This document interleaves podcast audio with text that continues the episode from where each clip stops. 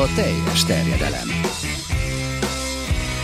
Magyarország első futballpodcastja Bamstart Tiborral és Haraszti Ádámmal. És ezúttal ismét, bár itt a Skipper stúdióban először Fekete Zoltánt, a Digisport szerkesztőjét köszöntjük nagy szeretettel, akivel, hát nem mondom, hogy először találkozunk, amióta nem vagyunk közvetlen kollégák, de hát itt a podcastban, a teljes terjedelemben most először vagy vendég, és hát viszonylag könnyű volt kitalálni, vagy könnyű lehet kitalálni, hogy mi lesz az aktuális részben a fő téma, hogyha te vagy itt, olasz futball, és azon belül is elsősorban azt hiszem, hogy a Milán fog előkerülni, de hogy nem csak a Milánról beszélünk, az bizonyítja a kérdés is, amit fölteszünk a kedves hallgatóknak, illetve nektek is, hogy ugye, nagyon sokan most már úgy számolnak, hogy a Liverpool jó eséllyel bajnoki címet ünnepelhet majd a Wolverhampton elleni május 12-i Enfielden játszandó mérkőzésén.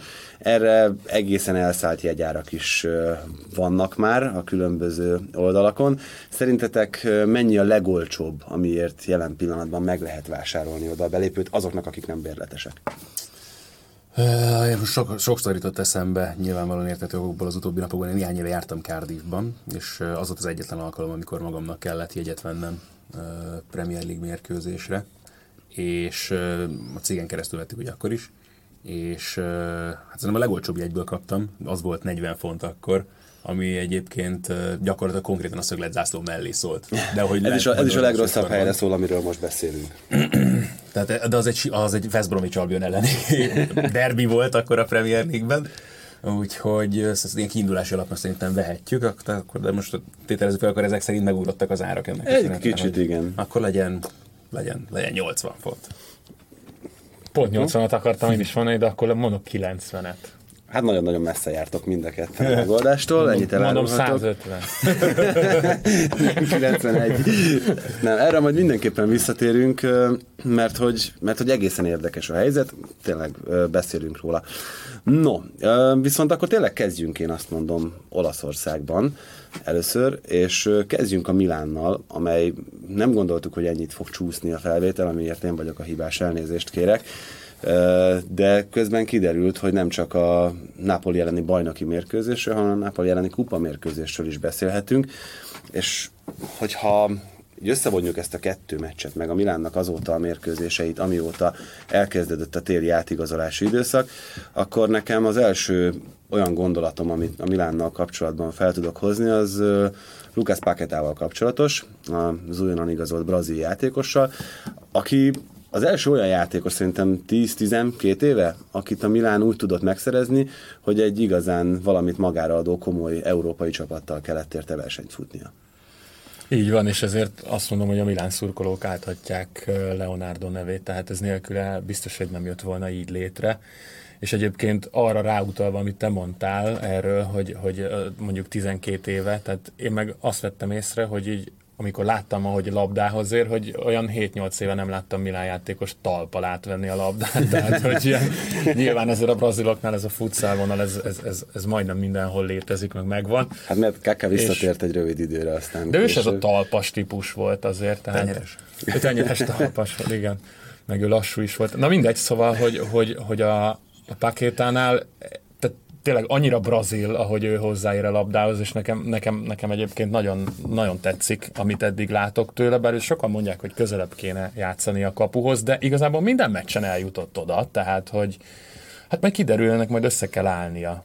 Itt minden, minden alkalommal, amikor ez fölmerül, akkor ö, nem tudom, hogy bennetek ez hogy él, a brazil U20-as válogatottnak a kulcsemberei, ami azért majdnem mindig jól teljesít nagy tornákon, azok nagyon komoly összegért szoktak elkelni. Ugye a brazil válogatottnak a tízese volt, az irányító az U20-asnak természetesen, akik nem Donetskbe kerülnek általában, azokat úgy lehalásszák a, a nagy nyugat-európai klubok.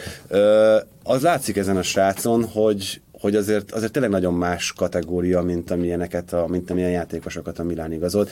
Mondom ezt az, azzal együtt, hogy még nagyon kevés időt telt el, meg ugyanúgy benne van a flop lehetősége, de de, de az látszik, hogy most nem a, a leértékelt áruk között kotorászott a Milán. Most nem Borini érkezett.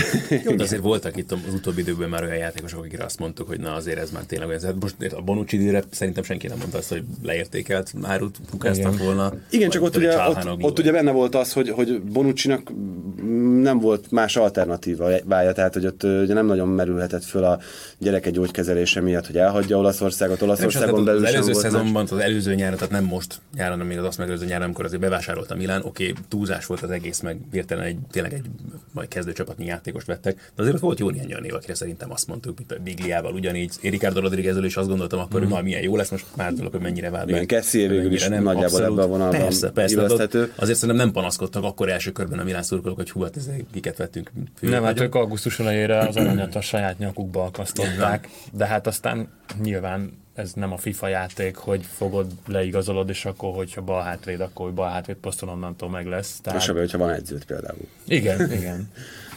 De, de egyébként, hogyha már itt a tegnapi meccs szóba jött, ott szerintem Gattuso se nagyon érheti kritika, tehát, hogy sokan mondják azt, hogy ő neki csak lelkesedése van, és ezt a Milán szívvonalat tolja, de azon kívül semmit amiben egyébként van is igazság, meg ez a egyet sem cserélek akkor, amikor egy góllal vezetek, tehát hogy meg se próbálok időt húzni, meg ilyenek, ezek ilyen romantikus, de amatőr dolognak tűnnek első körben sokszor.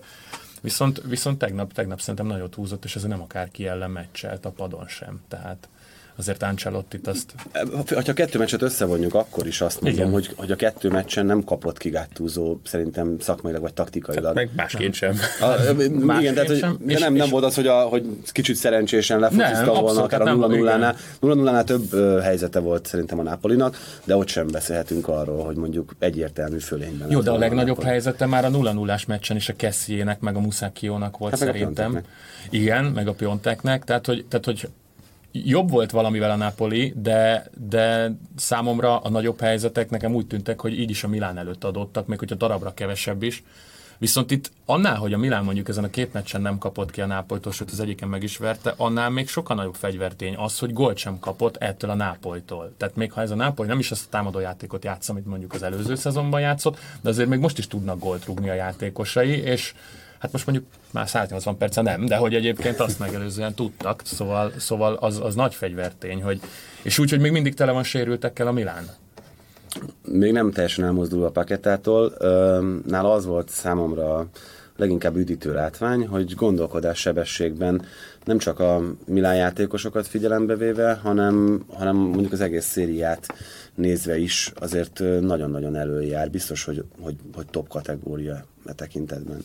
Igen, ami, ami, tehát most egy olyan készség nyilvánvalóan, ami biztos, hogy nem fog kopni, vagy nem, nem lesz rosszabb, hogy, hogy egyébként fizikailag bírja, mert egyelőre szerintem ez a legfőbb kérdés, tehát 60 perceket játszik lényegében, és úgy jön le a pályáról, hogy nem azon a testrészén veszi a levegőt, amelyiken az ildomos lenne.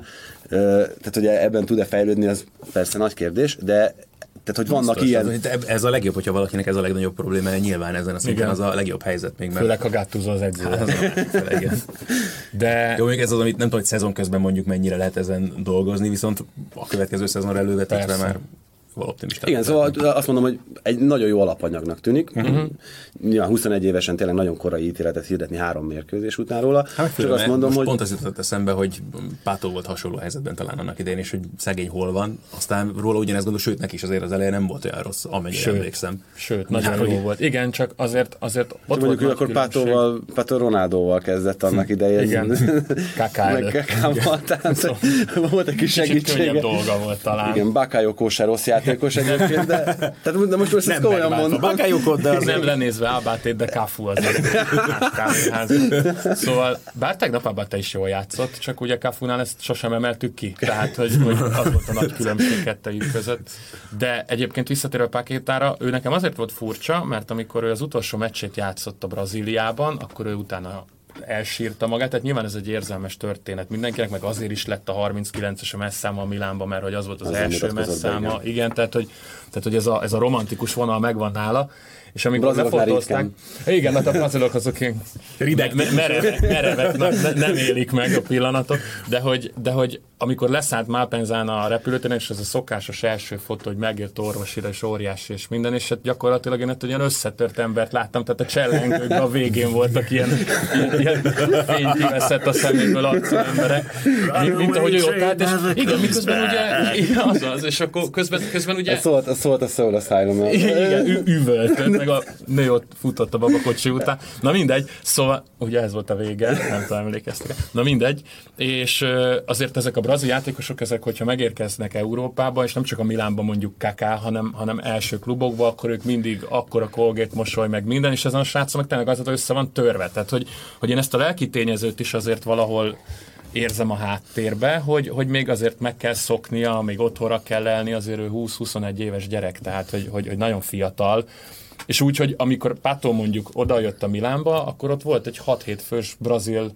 brigád, és tényleg ilyen kis nevekkel, hogy KKK Fu, meg Dida, meg, meg Ronaldo. már nem, talán. Hát nem tudom, lehet, Lehet, hogy, hogy ő is. Na mindegy, de most, tehát, hogy akkor is ott volt négy-öt olyan ember, akik aztán őket, vagy őt, mint, mint kisfiúkat ott a szárnyuk alá vették, míg mondjuk Paqueta most az egyetlen brazil a Milán keretben, tehát, hogy neki még csak az sincs, hogy na ott akkor egyben van egy klik, aki vár. Tehát ez Hát nyilván Leonardo nyilván ebben tud segíteni. Hát jó, de azért az nem ugyanaz, mint hogyha egy játékos társad, tehát gondolom. Öm, én többször beszéltem erről, meg, meg ebben szerintem te is egyetértettél velem, Ádi, hogy azért ez a Leonardo Maldini kettős az ad valami fajta hitelt ennek a Sőt, Milán sőt, projektnek. sőt, viszont amikor én meghallottam ezt a Piontek igazolást, akkor az volt az első gondolatom, hogy vajon okos dolog-e egy most feltűnt olyan lengyel fiúért ennyi pénzt adni, mert ugye itt 38 millió lett a vége. Mm-hmm.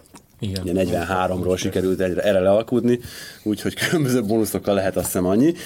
Szóval 38 milliót adni egy olyan fiúért, akinek volt egy jó fél szezonja Olaszországban, és elképzelhető, hogy pályafutása során ebben a pillanatban ő a legdrágább. Igen. De az is lehet, hogy baromi olcsón szerezték meg ahhoz képest, amennyi. Nagyon, egy nagyon, pont erről Hát beszéltünk, után nagyon jó mozgású fiú, csak az a furcsa vele kapcsolatban, hogy hát fiatal, de ahhoz már nem annyira, hogy, hogy ez hogyan létezik, hogy ez a srác ez most tűnt föl. Tehát, hogy, hogy olyan, olyan mozgása van, pont amikor volt a, az első 0 0 mérkőzés, ott kapott egy labdát, amiből az a nagy helyzet alakult ki, megtolta, és azon a három vagy négy méteren olyan sebességre tudott felgyorsulni, amivel még ugye majdnem el is pöckölte a, a Igen. labdát Ospina fölött, csak ugye Kulibali odaért és szerelni tudott, hogy, hogy ilyet azért tényleg a, a legjobbaktól látsz. Szóval egy hihetetlenül koordinált mozgású, nagyon jó technikai képzettségű játékos. És nagyon jó felépítés. Nagyon jó felépítésű, tehát hogy, hogy minden megvan ebben a srácban, ami, ami egy jó csatárnak az ismérve, az hogyan van, hogy, hogy valaki így eltűnik, és a, és a teljesen a radar alatt repül. Nem tudom, és nekem pont ez, pont ez volt, a, ami miatt tartottam ettől a, az igazolástól, hogy mi van akkor, hogyha... Tehát beszéltük itt az adás előtt is, hogy, hogy a Genoában szerzett góljainak volt egy olyan része, amire azt mondtam, hogy ez extra, de volt egy jó része, ami meg olyan volt, hogy, hogy egyszerűen hihetetlen, hogy hogy ad neki a gép. És hogy vajon most melyik a kettőből. De mondjuk a tegnapit látva azért, azért sokkal jobban néz ki a helyzet, mert ott is, amit művelt, meg azt, hogy Kulibalit így megfirkálni, tényleg nagyon ritkán láttam az utóbbi években, ahogy, ahogy ő tette meg. Ugye nem csak a két gólya, hanem a fél védelem, a fél napoli védelem sárga lapot kapott, és nyilván onnantól kezdve ők is máshogy játszanak, tehát tehát lehet ebben a srácban, de még hogyha csak annyi is van benne, amennyi mondjuk a pessimistább jóslatok vagy jövendőlgetések szerint lesz, akkor is az, hogy, az, hogy Higuaint kiváltotta egy olyan fiú, aki nem telepszik rá a csapatra, nem veszi el a többieknek a játék kedvét, és, és látszik, hogy, hogy ő megtisztelve érzi magát, hogy, hogy, hogy ő Milán játékos lehet, az már egy, egy óriási változás. Tehát tehát az, hogy, az, hogy Higuain a harmadik percekben tárogatott jobbra-balra és hisztizett a, a játékos társaival, akik egyébként nagyon fiatalok, tehát ha elkezd hisztizni mondjuk egy, egy, egy 31 éves játékossal, aki már amúgy szétnyerte magát, akkor az le- legyint rá, vagy visszaszól neki, hogy szedd már össze magad testvérem. De hogyha egy 20-21 éves gyereknek kezd el hisztizni a nagy Gonzalo Higuain, akkor, akkor el tudja venni a játék kedvét, meg az önbizalmát azonnal. Hát Thierry Henryról meséltek most hasonlókat, hogy a Monakóban állítólag ez is vezetett itt a rövid távú Igen. elküldéséhez. Viszont azt nézegettem, csak itt elővettem közben Pionteknek a statisztikáit, hogy gyakorlatilag az előző szezonja volt az első, ahol olyan igazán kirívó számokat termelt Lengyelországban. És ott is egy fél évben, nem? Tehát ott is a második fél évben. Igen, tehát de ezt nem értem, hogy tényleg, hogyha ennyire megvan egy srácban minden, ami, ami kell ahhoz, hogy, hogy egy jó csatár legyen, akkor tényleg korosztályos Lehet, hogy szinten, hogy nem. Igen, is simán lehet. De- És de- azért de fél- 23 évesen még azért nem olyan öreg. Igen, jó, csak mondjuk Milik is 20 persze, volt, csak- amikor a Napoli megvette, meg Lewandowski is hamar robbant be. Tehát, Hát hogy igen, igen, hogy, tehát, hogy létezik az, hogy őt mondjuk korosztályos szinten nem találtuk ott, hogy a 17 évesek között ő a, a legeredményesebb volt. Látszik, hogy góllövésre született ez a film. Igen, de közben, ha meg megnézed, tényleg az utóbbi években azért egy-két lengyel csatárt egy elő tudtunk venni, aki ide-oda került. És az a de hogy mindegyik 24 ugyanúgy néz De, de, pont ezt akartam mondani, hogy valószínűleg egyszer ennyien is voltak előtte a sorban, tehát valószínűleg lehet, hogy még az sem volt, hogy akár a korosztályos válogatottakban, most nem tudom, hogy ott mik voltak a statisztikák, És hogy ha- játszott, vagy hogyan nem. Ha lengyel nem válogatott annyira csatár. Lego figurát akarnak csinálni, akkor csak egyet kell. Más Ugyanúgy néz ki, mint. Milik, Lewandowski. Legegyszerűbb cserélni a Lego Igen, figurákon. igen. Hát de tényleg. másik hajat. De még a haj nyírása is ugyanaz, tehát Igen. ugyanez a zsoldos haj mindegyiknek, és hogyha most megnézed Miliket, meg, meg Pionteket egymás mellett, akkor azért jó eséllyel szerintem az emberek 60%-a összetéveszti őket. Abszolút. Igen, És meg egyébként meg azt meg a másik dolog, hogy tényleg hozzá vagyunk szokva, hogy mostanában fiatal játékosok már gond mennek 17-8 évesen külföldre és előkerülnek. Igen. Holott lehet, hogy ez lenne egyébként a normális, tehát ennél sokkal korábban feltétlenül nem biztos, hogy kellene valakinek. Igen. Szerintetek. Az, hogy, az, hogy Olaszországban főleg, de, de azért máshol is megfigyelhető az, hogy a kelet-európai piac felé egyre inkább nyitnak.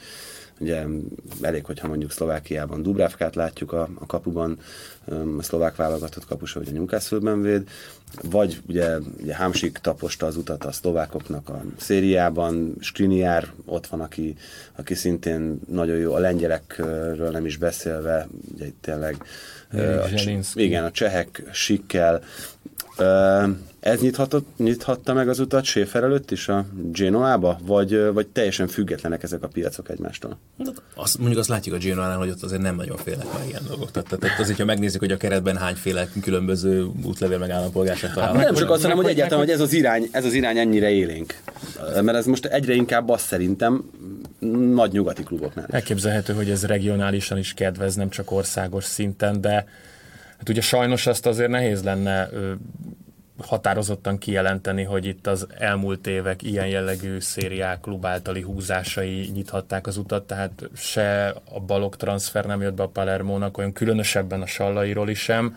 Nagy Ádi most ugye hol játszik, hol nem, most nyilván Inzági kirúgásával majd kiderül, hogy Mihálovics mit gondol erről, tehát, tehát az hogy, az, hogy hogy figyeltek fel, azt nem tudom, és például Benitot, ugye, aki a- az olasz műsorokban állandó szakértő nálunk, kérdeztem arról, hogy szerinted ezt a srácot nem a primaverába vették, hanem a felnőtt kerethez biztos, és mondta, hogy figyelj, egy millió euróért nem primavera játékost vesz a Genoa, de Hát azt a határeset. határeset kategória, de hogy, de hogy tegnap lett hivatalos a leigazolása, miközben már lehozták, hogy megköttetett az üzlet pénteken, és például, akit ugyanaznap jelentettek be múlt héten, a Sanabriát, ő nem, hogy játszott, már gólt is szerzett a hétfői bajnokin, és egyedül az újak közül pedig van vagy öt új igazolásuk eddig a De, de hogy a Genoa csak azért alapvetően nem még. meglepő az, hogy Nem, ő az mindig ilyen klub volt. Persze, Igen. az egy borzasztó nehéz dolog egyébként, amit itt az előbb feszegettél, hogy őt most a Primaverához vették-e, vagy a felnőtt csapathoz, mert a kettő közé nagyon csúnyán be lehet szorulni szerintem Olaszországban. Jó pár éve, hogyha valaki esetleg nem kevesebb olasz bajnokit figyelt, azok kedvéért mondom, hogy a 12 cserét lehet nevezni. Ezt a játékosok szakszervezete érte el, hogy így legyen, szerintem óriási marhaság. Azért is többek között, mert mert akit neveznek a meccskeretbe, például, például egy idegenbeli mérkőzésre, az a legritkább esetben játszhat a Primavera csapatban. Kiveszed a Primaverából, és utána szinte semmi esély nincs, hogy pályára lépjen a felnőttek között, mert ugye ugyanúgy csak hármat lehet cserélni természetesen, annak ellenére, hogy 12 cserét nevezel.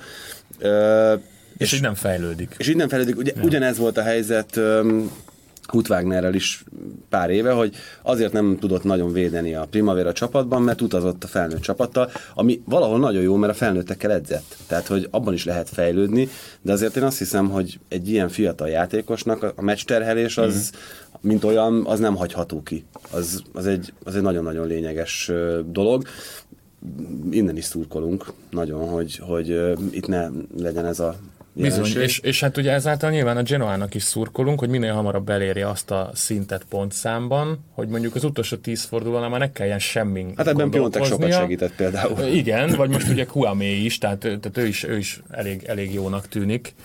Tehát, hogyha, hogyha mondjuk a Genoa így a 30. forduló magasságára ilyen 35-40 pont között jár valahol, akkor valószínű, hogy mondjuk Schäfert is hamarabb fogják bedobni, mert ugye pont ez volt a nagy hátrányuk a palermói magyaroknak két-három évvel ezelőtt, hogy hogy egész szezonban menekültek a kiesés elől, nem volt idő kísérletezgetni, hogy most akkor szokjad, ne szokjad, eredmény kell, mert különben ki fogunk esni, végül így is kiestek.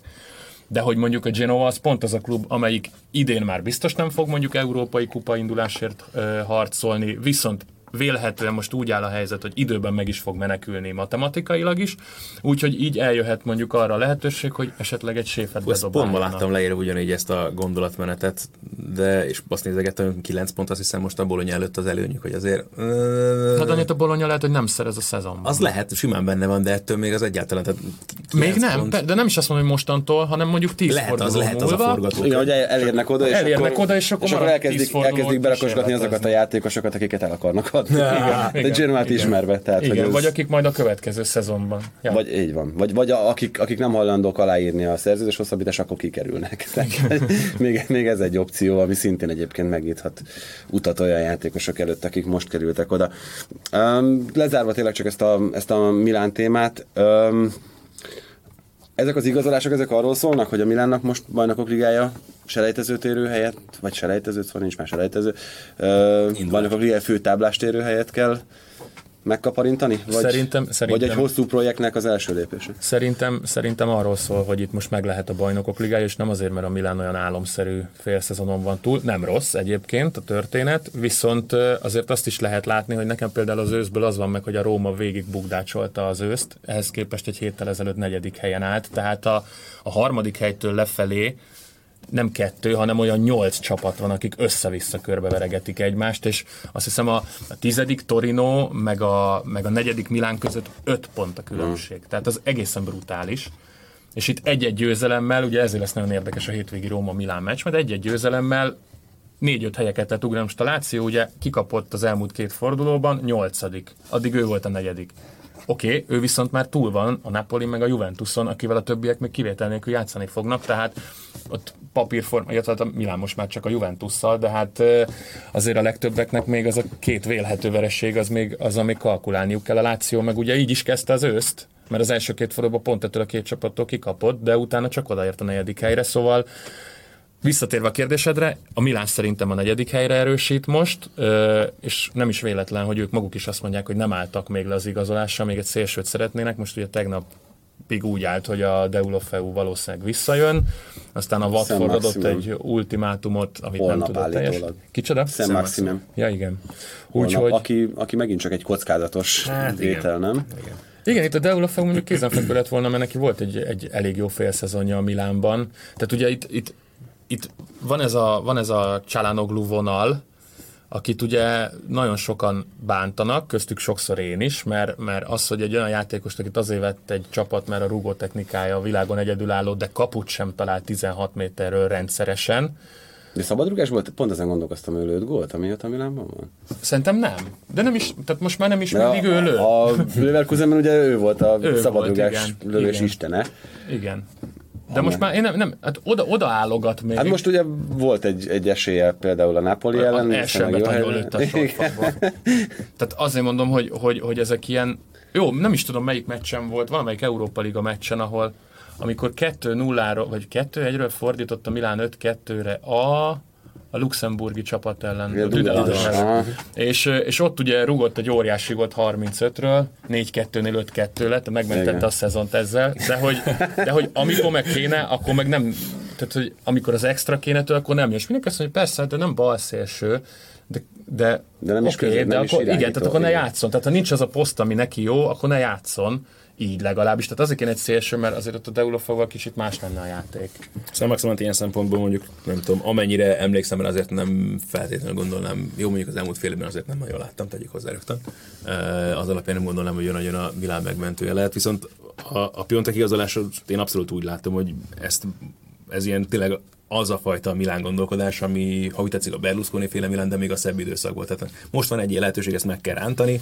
Lehet, hogy veszteség lesz, de nem akkor egyébként, mint amikor ennek feltétlenül tűnik most az ár alapján, mert azért a damage limitation mint olyan szokott működni az ilyen esetekben. Tehát ha valaki elmegy a Milánból, azért az se apró pénzért szokott menni, még akkor se, hogyha kvázi megbukik. De egyrészt nyilván fél évből nehéz ilyen mértékű következtetés levonni, de simán lehet, hogy a szezon végén kétszer-háromszor egybe is kerülhetett volna, hogy állnak a dolgok, és jelen pillanatban ezt, ezt már hétről hétre emlegettem, hogy egy 30-40 millió eurós játékos olyan közepesen olcsónak nevezhető az európai piacon egy ekkora csapat számára. Hát de fél szezon után még így is sok, tehát ez nyilván nézőpont kérdés. Igen, még ez ott van benne, Biztos, csak ez, ez, az, ez, az a játékos, tudod, aki nagy tétekkel játszik, mert szeretné. Igen, hát igen. meg itt, itt az a nagyon nagy kérdés szerintem, és... Ja, bocsánat, csak ennek az a lényeg egy dolog, hogy most lehet, hogy drágában tudnak megvenni, ha egyáltalán következő szezon végén, az meg a másik fel, hogy most ez a potenciál náluk van, és nem valamelyik potenciális ellenfél. Ez nem a Rómánál, ez, ez nem az Inter. Itt az a, az a nagy kérdés, és pont még jó is, hogy ezt hozzátetted, mert, a, mert ebbe az irányba akarom tovább tolni a, a kérdést, hogy a, a Milán akkor most miként értékelendő transferklubként, vagy egy olyan csapatként, amelyik... Transitklubként? Vagy transitklubként, bocsánat, vagy egy olyan, olyanként, amelyik mondjuk végcélként Most azt mutatja maga, vagy tehát ez a Piontek féle igazás mondatja velem azt, hogy most ők úgy viselkednek, ahogyan egy nagy klubnak szerintem nagyjából kell. Ebben hát a ez, majd, ez majd akkor fog kiderülni, ha megint ennyit rúg a Piontek, és nyáron bejelent. És 80 ért, igen. érte. Tehát igazából... Az már a másik fel a dolognak, de, de, de én most azt gondolom pont arról, amit te is mondtál, hogy az a cél szerinted a Milánnak, hogy meglegyen a BL kvalifikáció, most nem abban gondolkodnak, hogy aztán ezeket a játékosokat mennyiért tudnák eladni, hanem abban, hogy legyen a bajnokok ligája indulás. Aztán más kérdés, hogy az is majd tovább emelheti mondjuk ezeknek a játékosoknak az árát, és valóban akkor ilyen szempontból már tényleg az lesz a döntő, de most ez alapján, ahogyan most dolgoztak, ez Igen, a két igazolás mindenképpen De közben hogy... ugye azért is jó ez, mert mármint hogyha, hogyha eléri a Milán a, a top 4-et és a bajnokok ligáját, mert nyilván teljesen más, hogy tárgyalsz olyan játékossal, akit meg akarsz szerezni, ha bajnokok ligájában indulsz, másként, hogyha Európa Liga, és másként, hogyha, hogyha semmibe. Plusz a nálad lévő játékos, ott van Suso, aki, aki két-három éve van a Milánban, ott meghatározó játékos, úgyhogy úgy, hogy azért spanyol válogatott is lett közben, tehát nyilván van rá kereslet. Na most akkor, amikor azt látja, hogy elkezdtem itt játszani 21 évesen, most vagyok 24 éves, de még bajnokok ligában nem léptem pályára, és közben vannak ajánlataim, meg amúgy spanyol válogatott vagyok, akkor így idő után azt fogja mondani, hogy, tehát, hogy értem én ezt a projektet, de hogy én az egész pályafutásomat uh-huh. ne kelljen már feláldozzam rá. Tehát nyilván előbb-utóbb a Milánnak el kell jutni arra a szintre, hogy akkor BL csapat legyen, de mondjuk tehát láthatatlan távolságban van mondjuk a Juventus. Tehát, Jó, de az nagyjából mindenkihez van. Hát Olaszországban egyébként igen. Na, akkor menjünk is tovább a Juventusszal, mert, és akkor onnan egy kicsit még egyszerűbb lesz elevickelni. Nekem az volt a gondolatom ezelőtt a Láció Juventus mérkőzés előtt, hogy ha valamikor, akkor most fogja elveszíteni a, a veretlenségét a Juventus Olaszországban annál az egyszerű Volt oknál. ilyen része a forgatókönyvnek. Abszolút, és de, an, de azért, azért gondoltam... Nem, ezt... Akkor nem nézted a Láció statisztikáit a nagy csapatok ellen. De, de néztem. Nagyon jó volt a szerkesztés. Ó, és, és ebből, ebből, ha nem néztem volna, akkor is megtudom. De ezt leszámítva azért a Juventus az jól látható, hogy mindig, amikor vannak ezek a rövidebb szünetek, ugye most megint Dubajban töltötték ezt a, ezt a rövid időszakot, frissítéssel töltik, és és ezt elmondták, elmondta Allegri is, meg elmondták a játékosok is, azt hiszem talán Kielini beszélt erről, hogy ők nem most vannak csúcsformában, hanem nyilvánvalóan az Atletico Madrid elleni bajnokok ligája párharcra szeretnének abban lenni, ami azzal is jár valahol, hogy ezt az időszakot, ezt a január végét, február elejét, ezt egy kicsit beáldozzák ennek ennek oltárán. És ez Ehhez majdnem... képest nyertek az olimpikóban a Láció ellen. Hát igen, mert, hogyan? Tehát úgy, hogy 65 igen. percig nem volt pályán a Juventus, az, az már megint egy más kérdés az a, az a kérdés, és itt bennem az vetődött föl, hogy, hogy valóban lehet-e ezt ennyiszer így időzíteni ezt a formát, ahogyan egyébként ez Allegri alatt most már, most már sokatszor látszik, hogy, hogy tudatos, vagy legalábbis annak tűnik. És mi Ancelottinál is szokott azért látszani például. De igen, de, de hogy, hogy ez, ez, ez, nem, egy, nem egy nagyon kemény játéke, amit, amit de ezek szerint látod, hogyha évről évre ez mindig működik, működik nála, akkor akkor nem, sőt, akkor valószínűleg ezt lehet, hogy tanítania kellene, mert... mert, mert egyébként, tehát nyilvánvalóan itt most pont ezen gondolkoztunk, hogy, hogy és mi van, ha most ezt a Juventus elveszíti? Semmi. Akkor csak igen, 8 pont. A 8. Tehát igen. Ez, és, és így, hogy még nyertek, így most 11. Uh, mi van, ha a következő meccset elveszíti a Juventus? Hát Kit érdekel? Bologna ellen? Igen. az edzőváltás Igen, Azt, az- azért megrakom egy százassal, lesz. és veszek egy házat, hogyha. Hát igen, de és, és a másik az, hogy azért a Juventus ezt meg is tudja tenni már csak a kereterősségéből adódóan is, tehát akkor, amikor, amikor Douglas-kozták, meg Quadrádok sokszor időhúzó cserék, még úgy is, hogy Mandzukic sérült, akkor azért úgy elgondolkozik az ember, hogy ez egy teljesen más dimenzió. Tehát, tehát ezek a játékosok egy Milánban, de egy Interben is például, mondjuk a Napoliban igen. talán nem, tehát hogy nagyjából a Napolin kívül bármelyik másik csapatban nem, hogy kezdőjátékosok lennének, hanem, hanem még akkor se cserélné le őket az edző, hogyha már mindenki hazament a stadionból. És itt meg tényleg ez a 90. perc, álljon be egy kicsit a Douglas Costa, mozogjon egyet. És így úristen, tehát, ez, ez, nem az a szint. És milyen értéke van ennek az embernek? Szerintem óriási jó játékos.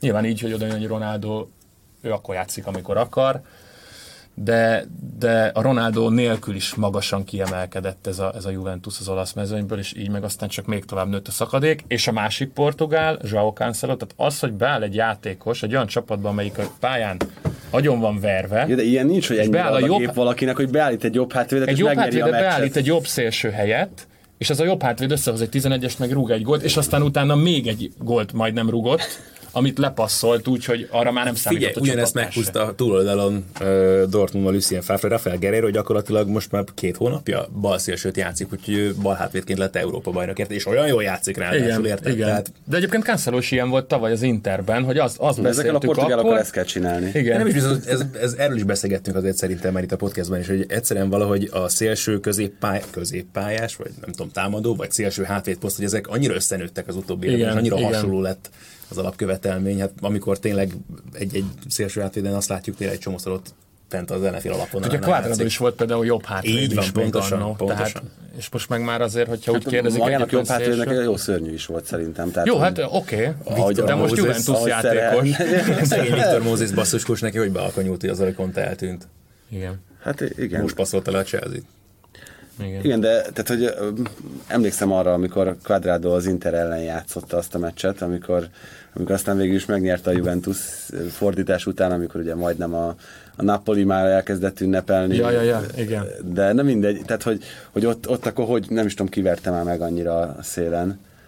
Perisic, nem? Per, talán lehet, hogy talán a Peris is. Na mindegy, tehát hogy, hogy, és egyébként utána azt hiszem elő volt az, aki a gólpaszt adta, vagy a gólt rúgta. vagy valami. Talán, talán az egyik gólt is ő lőtte. Igen. Na, tehát, hogy, hogy igen, itt ez, ez az, amit föl kell mérnie szerintem egy edzőnek, hogy Igen, csak ő mondjuk azt hiszem, talán az Udinében volt ő jobb hátvéd, a Fiorentinában vagy a játszott. Fiorban. Na mindegy, de az a lényeg, hogyha nem is volt ott jó, de van egy, van egy, egy jobb szélső támadó játékosként, neki van egy mondjuk egy éves, másfél éves szériá rutinja védekezésből, ami azért egy plusz skillként mindenképpen jó. Tehát ő nem ijed meg akkor, hogyha valaki vezeti rá a labdát, hanem azonnal kisárgáztatja magát. Na, hogyha már ö, itt erről a szériá rutinról beszéltél, akkor kicsit áttérnék a, az átigazolási piacra, ami hát nagyon sajnálatos módon egy, egy szomorú hírrel ö, illendő, hogy kezdjük. Ugye Emiliano Szaláról ma látott ö, napvilágot egy hír, ami nem tudom, hogy nem tudjuk, hogy róla látott a napvilágot egyelőre, ugye francia partoknál igen. találtak ö, olyan roncs darabokat, amik Azt elképzelhető. két üléstámlát, amire azt mondják, hogy valószínűleg abból a gépből származik, amivel ők jöttek Igen, vissza. de ezt, ezt nem tudjuk ebben a pillanatban, ö, és hát nem is lehetünk okosak, de hát a beérkezett hírek alapján túl sok remény nincs arra, hogy a Nantól Cardiffba szerződött támadó ezt, ezt életben megúszta. Hát ez nyilván erre már nagyon régóta nincsen igazából igen. remény. Tehát. Igen, tehát az, most azon gondolkozom most, hogy ezt mondod, hogy, hogy üléstámlákat sodort a partra a víz, hogy tehát ezzel most igazából mivel vagyunk közelebb bármihez. Tehát eddig is mindenki gondolta, hogy ez történt. Nem a csendes óceán fölött tűnt el, hanem a Igen, hanem csak a nyilvánvalóan az ember, embernek van egy olyan ö, talán ostoba pszichéja, Hát ami, ami, igen. Nyilván persze, de Meg nem csak az, hát ugye addig, ameddig, ameddig nem hallja a megerősítést arról, hogy ez megtörtént, ez a tragédia, addig, addig nem feltétlenül közli azt, hogy magával, hogy ez akkor tény. Hát igen, és ez nyilván egyébként a családnak a legnehezebb.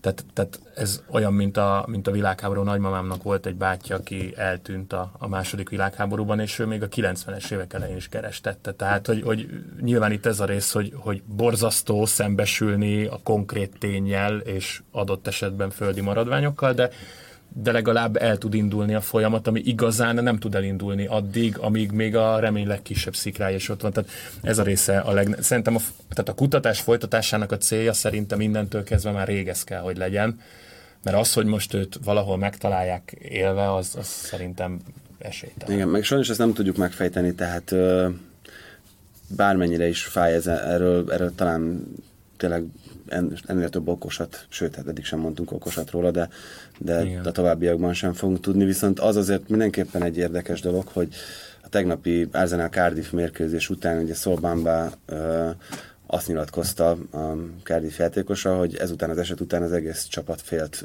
felszállni repülőre, hogy, ez, hogy ennek milyen hatásai lehetnek egy csapatra, ez csak az egyik szerintem, egy olyan, egy olyan ö, helyzetről, egy olyan esetről beszélünk, amikor még nem is volt csapattársad az illető hanem csak, csak, csak hozzátok hozzá, tartott. Tehát, igen. Valószínűleg már találkozhattak vele, ugye most a hírek arról szóltak, például a repülőgépet egy Cardiffi 23-as játékosnak a segítségével igen. bérelték például. Nem Nantik?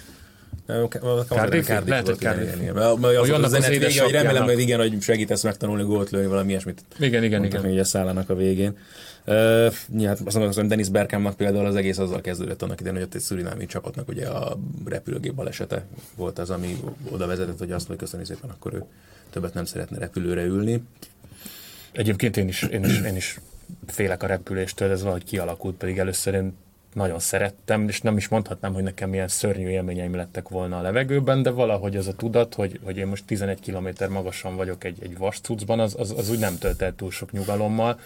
És egyébként múltkor pont erről beszélgettünk a egyik kosárlabda szakinkkal, Gulyás Robival, ugye ő játszott Franciaországban is, és ott sokszor magángéppel utaztak egyik helyszínről a másikra, ilyen 20-25 fős kisgéppel, és mondta, hogy ott voltak olyan dolgok, amikor már úgy volt vele, hogy na jó, hát én ezt így el is engedtem. Tehát, hogy ezek a kisgépek, ezek nyilván a nagy is, tehát ez, ez Na mindegy, tehát nem, nem, nem egy megnyugtató dolog, és nem is, nem is jó ilyeneken gondolkodni. Nyilván az a, ezzel a főleg probléma, hogy az most de ezt, ezt már végképp nagyon messzire megy magától a labdarúgástól, de nyilvánvalóan, tehát hogy ezek azok a dolgok, amikkel nyilván egy repülővel eleve sokkal kevesebbet találkozik egy ember, mint egy autóval. Az autó egy sokkal megszokottabb valami, holott meg, hogy a szigorúan a statisztikákat nézed, sokkal nagyobb a valószínűsége annak, hogy egy autóban szenvedsz halálos balesetet, sem mint Így van, vagy biciklin, vagy Így gyalog. Van. Tehát persze, nyilván, csak, csak valahogy sokkal elrugaszkodottabb a mindennapoktól. Tehát ez, amit ez, mondasz, ez, hogy...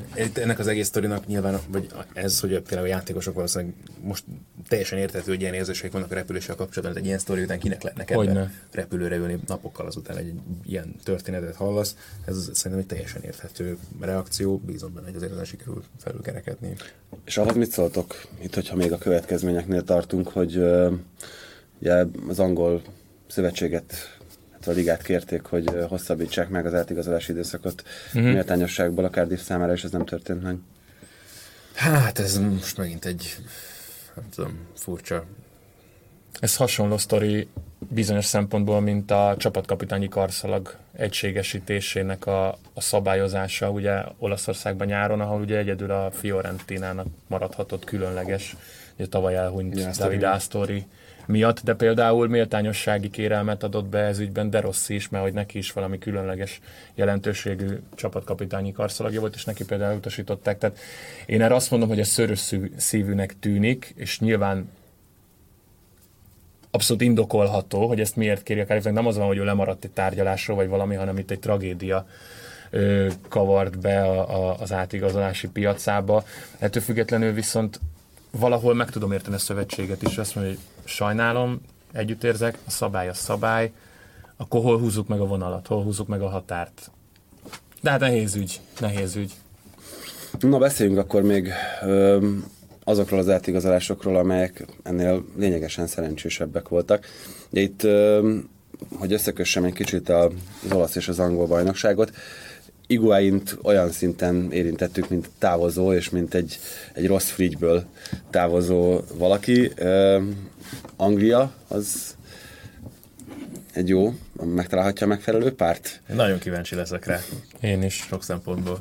Hát nem tudom, ugye a Nutella gyár Olaszországban van, de, de ö, egyébként én Hig, Higuaint most is, és amikor a Milánba igazolt, is azt mondtam, hogy szerintem a saját posztján top 10, de talán top 5-ös játékosról is van szó. Az más kérdés, hogy mondjuk a, a Milánnak a, a minősége körülötte, az meg sem közelítette a Juventus, vagy előtte a Napoli, vagy előtte a Real Madrid szintjét. Viszont a Chelsea-ben azért olyan társak lesznek körülötte a széleken, egy Willian, egy, egy Azár, akivel azért talán jobban ki tud bontakozni, és ha neki mondjuk megvan a meccsenkénti öt helyzete, ami mondjuk Juventus-Napoli szinten megvolt, és nem azon görcsöl az első perctől, hogy mikor lesz az az egy, ha lesz, amit viszont mindenképpen be kell rúgjak, akkor, akkor ez, ez, ez sülhet el jól. Tehát azért én Zsirunál például jobbnak tartom, meg Morátánál is egyértelműen.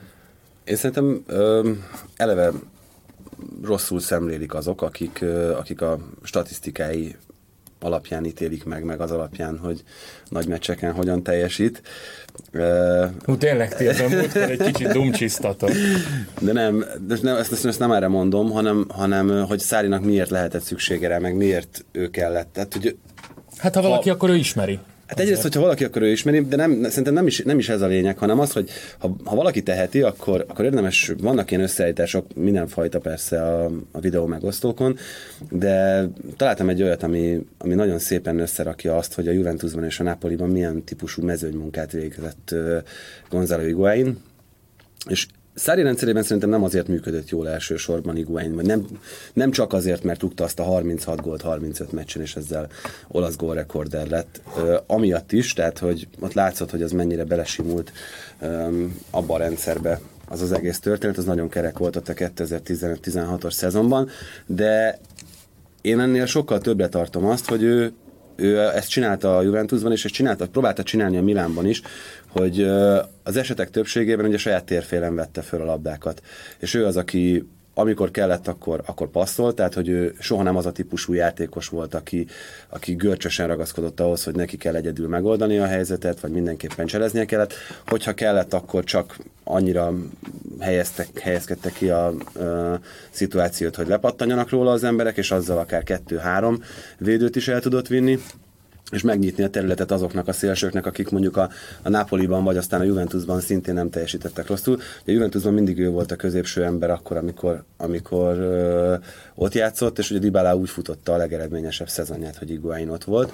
Többek között én szerintem Azárnak ez, ez, ez tetszeni fog. Itt a nagy kérdés inkább az, hogy az ő együttműködésük az mikor áll össze, meg hogy, meg hogy összeáll és én azt hiszem, hogy hogy elsősorban ez, ez fogja beárazni őt majd a, a Chelsea-nél is, hogy nem feltétlenül az, hogy pontosan darabszámra hány gólt szerez, hanem hogy a csapatjáték az mennyit változik az ő színrelépésével. Azt érdemes lesz majd figyelni, hogy ahhoz képest, amit Zsiru meg Morata mozgott ott a, a középcsatár pozíciójában, ahhoz képest Iguain mennyivel szélesebb horizonton, mennyivel, mennyivel színesebben fogja majd megjátszani ezt a pozíciót. Gondolom Jó, én... de ez azért valamennyire kényszerszülte dolog is volt a Milánnál, tehát hogyha ő labdával akar találkozni, akkor, neki, akkor ő, ő kénytelen volt visszamenni. A, de... a Nápoly meg a Juventusban azért annyira nem lépkedett vissza, mint a Milánban. De tehát lépkedett, hát szerintem annyira nem. Na mindegy, lényegtelen. Azért ezt a, ezt a Chelsea-nél nem biztos, hogy, hogy, hogy annyira hátra kell majd húzódnia, mert vannak, akik eljutassák hozzá előrébb is a labdát. Amikor az argentin válogatottban felmerült az, hogy ki legyen a középcsatár, ott is ö, majdnem mindig az szólt Iguain mellett, amikor mondjuk főleg Icardival vagy bárki mással szembeállították, hogy, hogy ő az a támadó, aki kellő mennyiséget melózik azért, hogy, ö, hogy a játékos társak is mondjuk pozícióba vagy helyzetbe kerüljenek. Én azt hiszem, hogy emiatt illik Szári rendszerébe. Iguain attól függetlenül, hogy ő, ő jelen pillanatban is az olasz gólrekorder, már régességen megszűnt annak a kizárólag ilyen hitmennek, vagy ilyen, ilyen befejező csatárnak lenni, amit a legtöbben belelátnak, tehát én szerintem ennél ő sokkal több, meg sokoldalúbb, meg, meg sokkal inkább letisztult a játéka.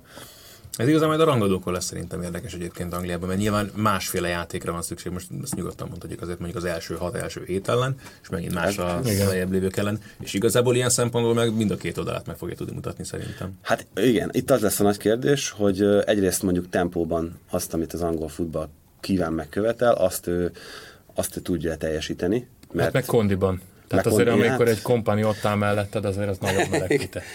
Van Dijk. Vagy igen, tehát, tehát azért ott tényleg vannak ilyen, ilyen, ilyen hímenek. G.I. Joke.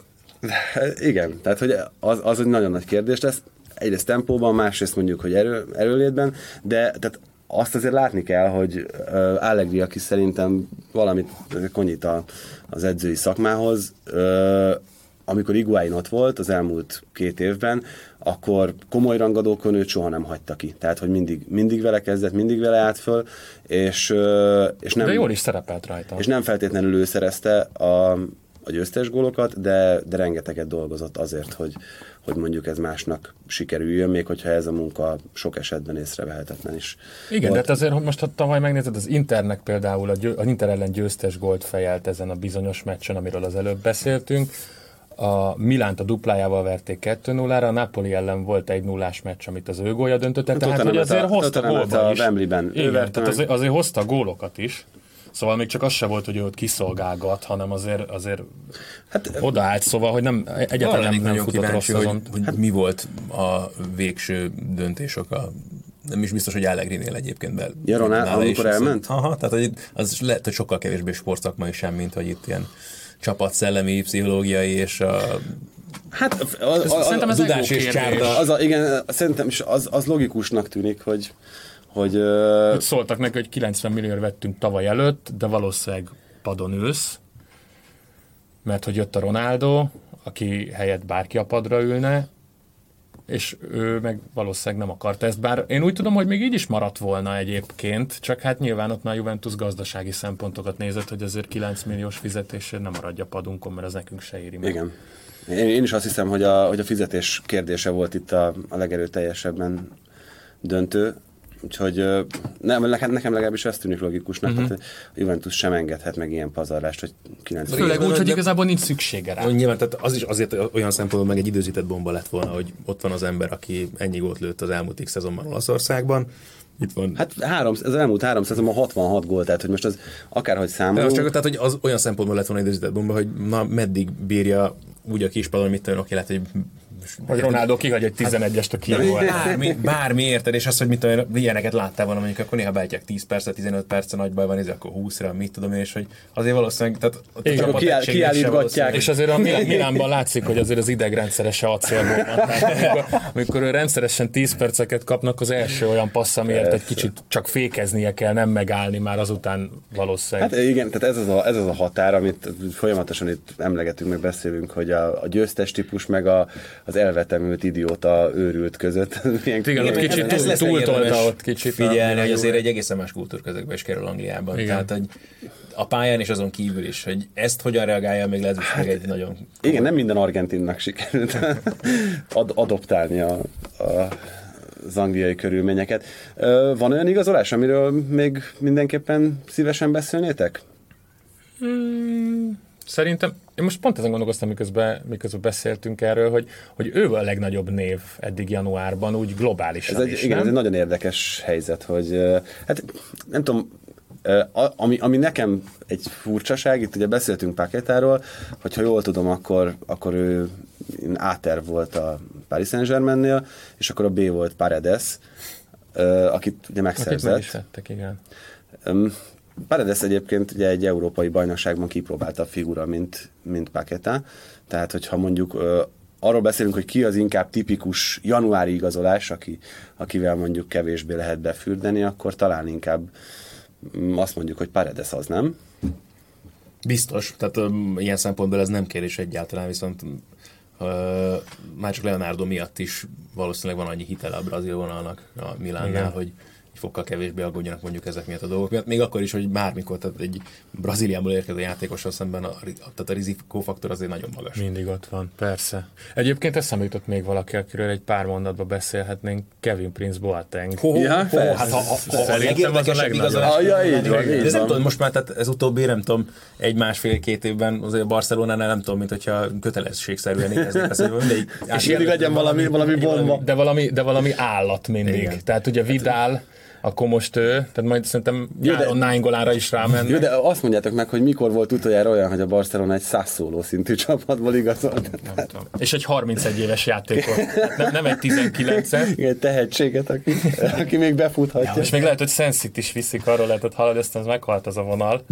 De ezt, ezt nagyon nem, nem láttam érkezni, megmondom őszintén. Én meg... mindig, mindig látom a hamiskás mosolyát, amikor átbújtam a kábel alatt az interjú előtt. Ja, tényleg, csináltál vele interjút egy kupadöntő után. Kifejtetett szerintem őben, mert nem biztos, hogy az összes hallgatónk ismeri a Nem, történetet. volt, voltunk kint egy Milán Juventus kupadöntőn, és utána csináltunk interjúkat játékosokkal, és Amit elfelejtettünk hangban rögzíteni egyébként, de az most teljesen mindegy. Tibi megcsinálta maga részét.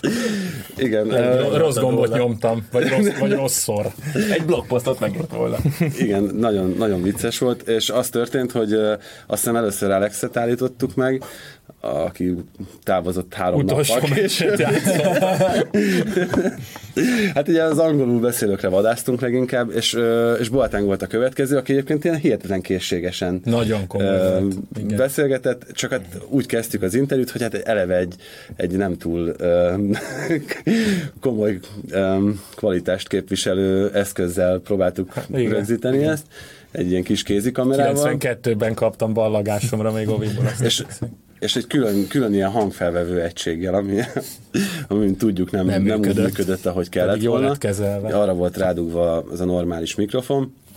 Csak hát ugye az egész rendszer így egybe állt, most itt mutatom úgy, hogy a kedves, kedves hallgatók nem látják, és nem lehetett áttenni a másik oldalra, és akkor hát az Alex, alex az egyik oldalra csináltuk az interjút, csináljuk a másikra, volt engem nem, mint ha nem lett volna tök mindegy, mert, lehetett volna úgy vágni, hogy jó legyen, de hogy akkor bújjak, bújjak át a másik oldalra, és, és hát itt le kellett mennem körülbelül egy ilyen, ilyen 60 centi, eh, 60 centis googolásig. Ott, majdnem ott limbózott a kortom mellett. Megjelentél a felszínen, az Amerikába jöttem című film elején, Eddie Miközben a asszony. ilyen kamionnyi kamerákkal ott álltak, és akkor a meg ott a handicam előtt ott limbózott. Igen, és átbújtam alatta, és ez úgy megteremtette a jó hangulatot. Igen, a, onnantól kedélyes volt Mert a egyébként ezt, ezt végignézte körülbelül 30 centiméterről Kevin Prince Boateng, és utána kezdtük az interjút, úgyhogy Meg talán Del Piero is a képen arra jár. Átfért volna hajlás nélkül is. igen. Na úgyhogy, úgyhogy ennyi csak a, a sztori vele kapcsolatban. Hát öm, őt, őt egyébként milyen szerepre szánják szerintetek? Hát szerintem abszolút idő. Hát nem időhúzott csere nyilván, de hogy ő szerintem alapvetően ilyen 80 nadik perc környékén beállós lesz, vagy akkor, amikor mondjuk pihentetni Igen, kell valakit. inkább ezt az utóbbit gondolom, tehát hogy ő... De szerintem fog gólt rúgni egyébként, tehát szerintem ő nem lesz flop ott. Igen. Tehát nem, nem, nem lesz szerintem ciki ő, mert azért Nem. a technikailag mindig megvolt. Meg most azért nagyon az látszik. meg fogja rugdosni egyszer. Igen, kétszer. egyszer-kétszer. szóval, szóval azért rajta, rajta nagyon látszott szerintem, hogy, hogy igazából ő se nagyon hiszi el ezt az egészet. Tehát ahogy ő ott így kiment dekázgatni Milyen a össze? Jó, Nagyon egyébként jó. azt hiszem 5 gólt rugott, bár mondjuk 2 11-esből, de a jelenléte azért nagyon sokat Hát vezére számított. volt ennek a Abszolút, szászszólónak. Meg hát ez a abszolút. szászszóló, ez most szerintem hosszú évek óta az egyik legjobb. Di Francesco óta biztos, hogy a legjobb. Így van. Nagyon. Na, egyébként tényleg szem, szemre is jó volt nézni, amit a Sassuolo csinált, és, és hát ehhez nagyon kellett egyébként Boateng. Jó nézni mostanában szászszóló. Mostanában jó nézni Sassuolo. De hát ő volt az alfája és omegája, Boateng. De szerintem, szerintem egyébként ezt a Barcelona nem csinálta rosszul. Tehát végül is nagyon ahhoz képest nagyon olcsón szereztek egy, egy megbízható játékost, akinek rendesen azért La Liga tapasztalata is van. Úgyhogy kíváncsi leszek, hogy ez, hogy ez mire jut majd. Őt egyébként nevezték a BL keretbe, vagy az még most nem kellett? BL keret? Még nincs. nincs Mert ugye a BL keret. Sassuolo-ba azt hiszem nem játszott a BL-be. Hát még az átigazolási időszak lejárta után kell BL keretet nevezni, úgyhogy, úgyhogy ez még Hát majd akkor ez csütörtök még este jár. Úgyhogy nem tudom, de szerintem utána, tehát hogy utána... Ez lehet olyan, mint amikor, nem tudom, például a United ugye kölcsönvette Henrik Larsson például. Egyébként meg- igen, tehát ez, ez hasonló, ez a vonal. Igen, meglátjuk. Ö, mindenképpen beszéljünk még, még egy nagyon kicsit Angliáról.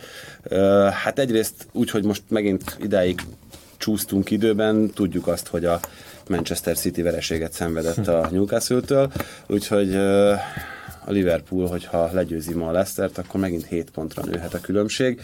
Ez már ilyen virtuális bajnoki cím, noha 13 vagy 14 fordulóval a vége előtt vagyunk?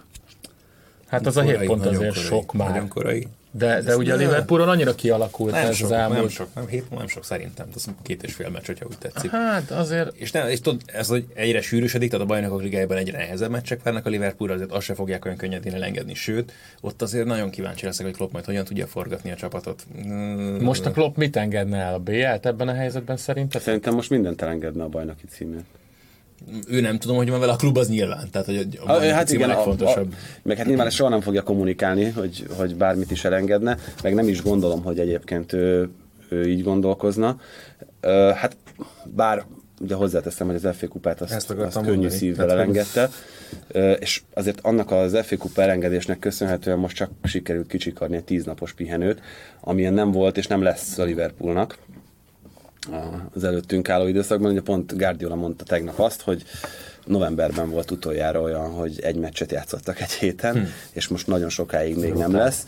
Úgyhogy ők ugye Liga kupa döntőt játszanak az FA kupában, simán tovább mentek a bajnokságban. Már hát ugye most az van, hogy előre hozták például az Everton elleni meccsüket jövő szerdára az FA kupa miatt, mert hogy tovább jutottak. Tehát, hogy ugyanez a három-négy naponta meccs jön Hát az nekik klasszik. És folyamatosan. És BL.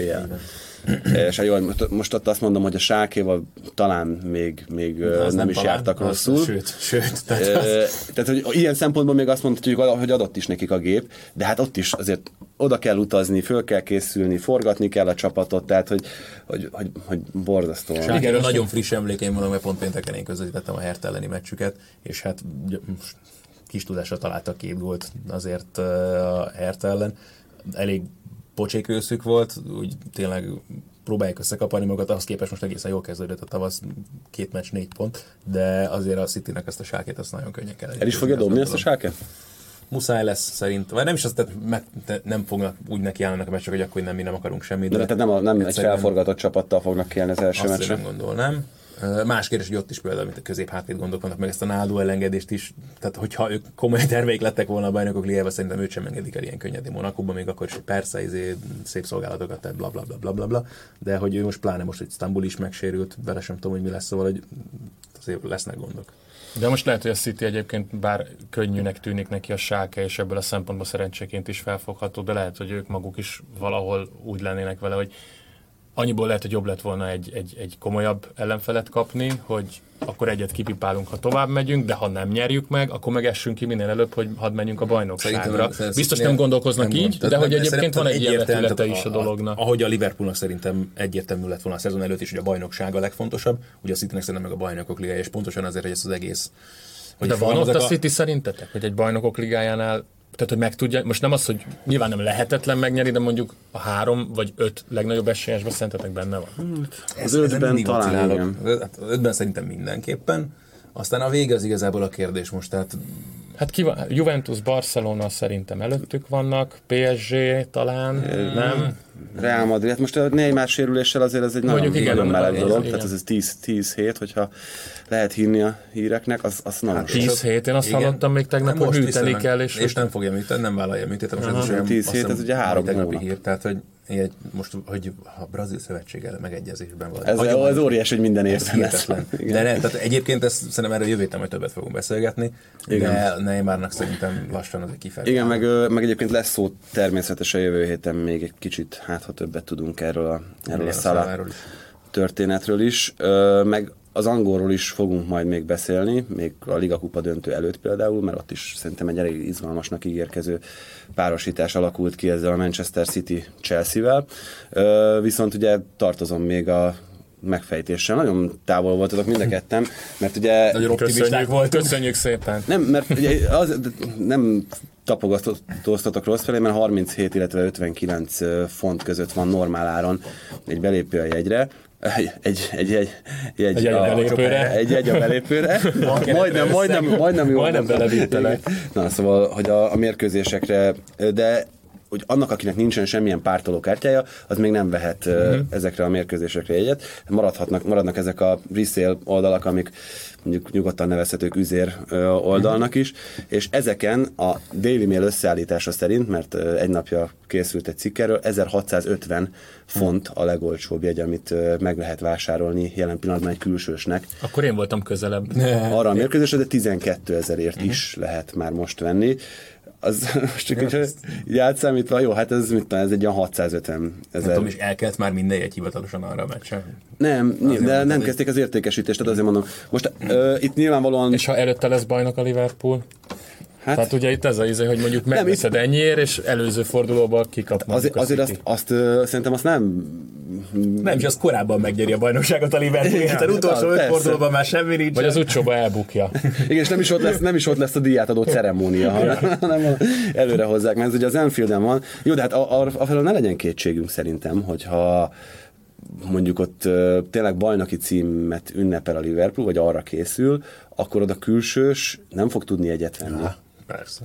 Tehát, hogy sőt, ha, ha, sőt, külső, ott... ha külsősként egyet akarsz venni, akkor valószínűleg ez a megoldás. Ha bármit van, akkor azt szépben kell Igen. tartani, meg fegyveres őröknek a társaságában kell szállítmányozni. Tehát akkor én, lehet, én, hogy, magam lehet, hogy érdemes ezt az 1650-es ajánlatot megfontolni. Én magam is telt házat várok azon, amit. no, azért is tettem fel ezt a kérdést, mert uh, most ugye nincsen csütörtöki adásunk, viszont lesz majd pénteki, amiben megint elmerülünk egy témában, és ez pedig a futballturizmus, úgyhogy ez kicsit ehhez is kapcsolódott, és természetesen Fekete Zoltán Pipot erre is majd megkérjük, hogy beszélgessünk, viszont itt a mai aktualitásokhoz köszönjük szépen, hogy hozzátetted a magadét. Én köszönöm. A kedves hallgatóknak pedig a meghallgatást köszönjük, pénteken ismét jövünk, sziasztok! Sziasztok! Sziasztok!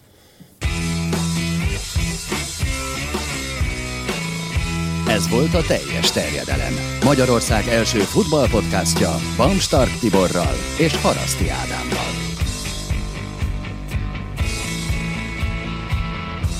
Ha más podcastekre is kíváncsi vagy, hallgassd meg a Béton műsor ajánlóját. El tudod képzelni, hogy a podcastet, amit éppen most hallgattál, fél év múlva már a mesterséges intelligencia generálja? Mi sem. De ha érdekel, eljötte már a gépek lázadása. Hallgass bele az Embertelen podcastbe. Orsós Lajos vagyok, a műsor házigazdája. Egyelőre még élőben. Egyelőre. Fedezzük fel együtt, hogyan ismerkedik, randizik, mesél és vitatkozik Betty és Péter, két teljesen mesterséges intelligencia. Lajos, a podcast címét mond még egyszer, Léci. Oké. Okay. Embertelen podcast.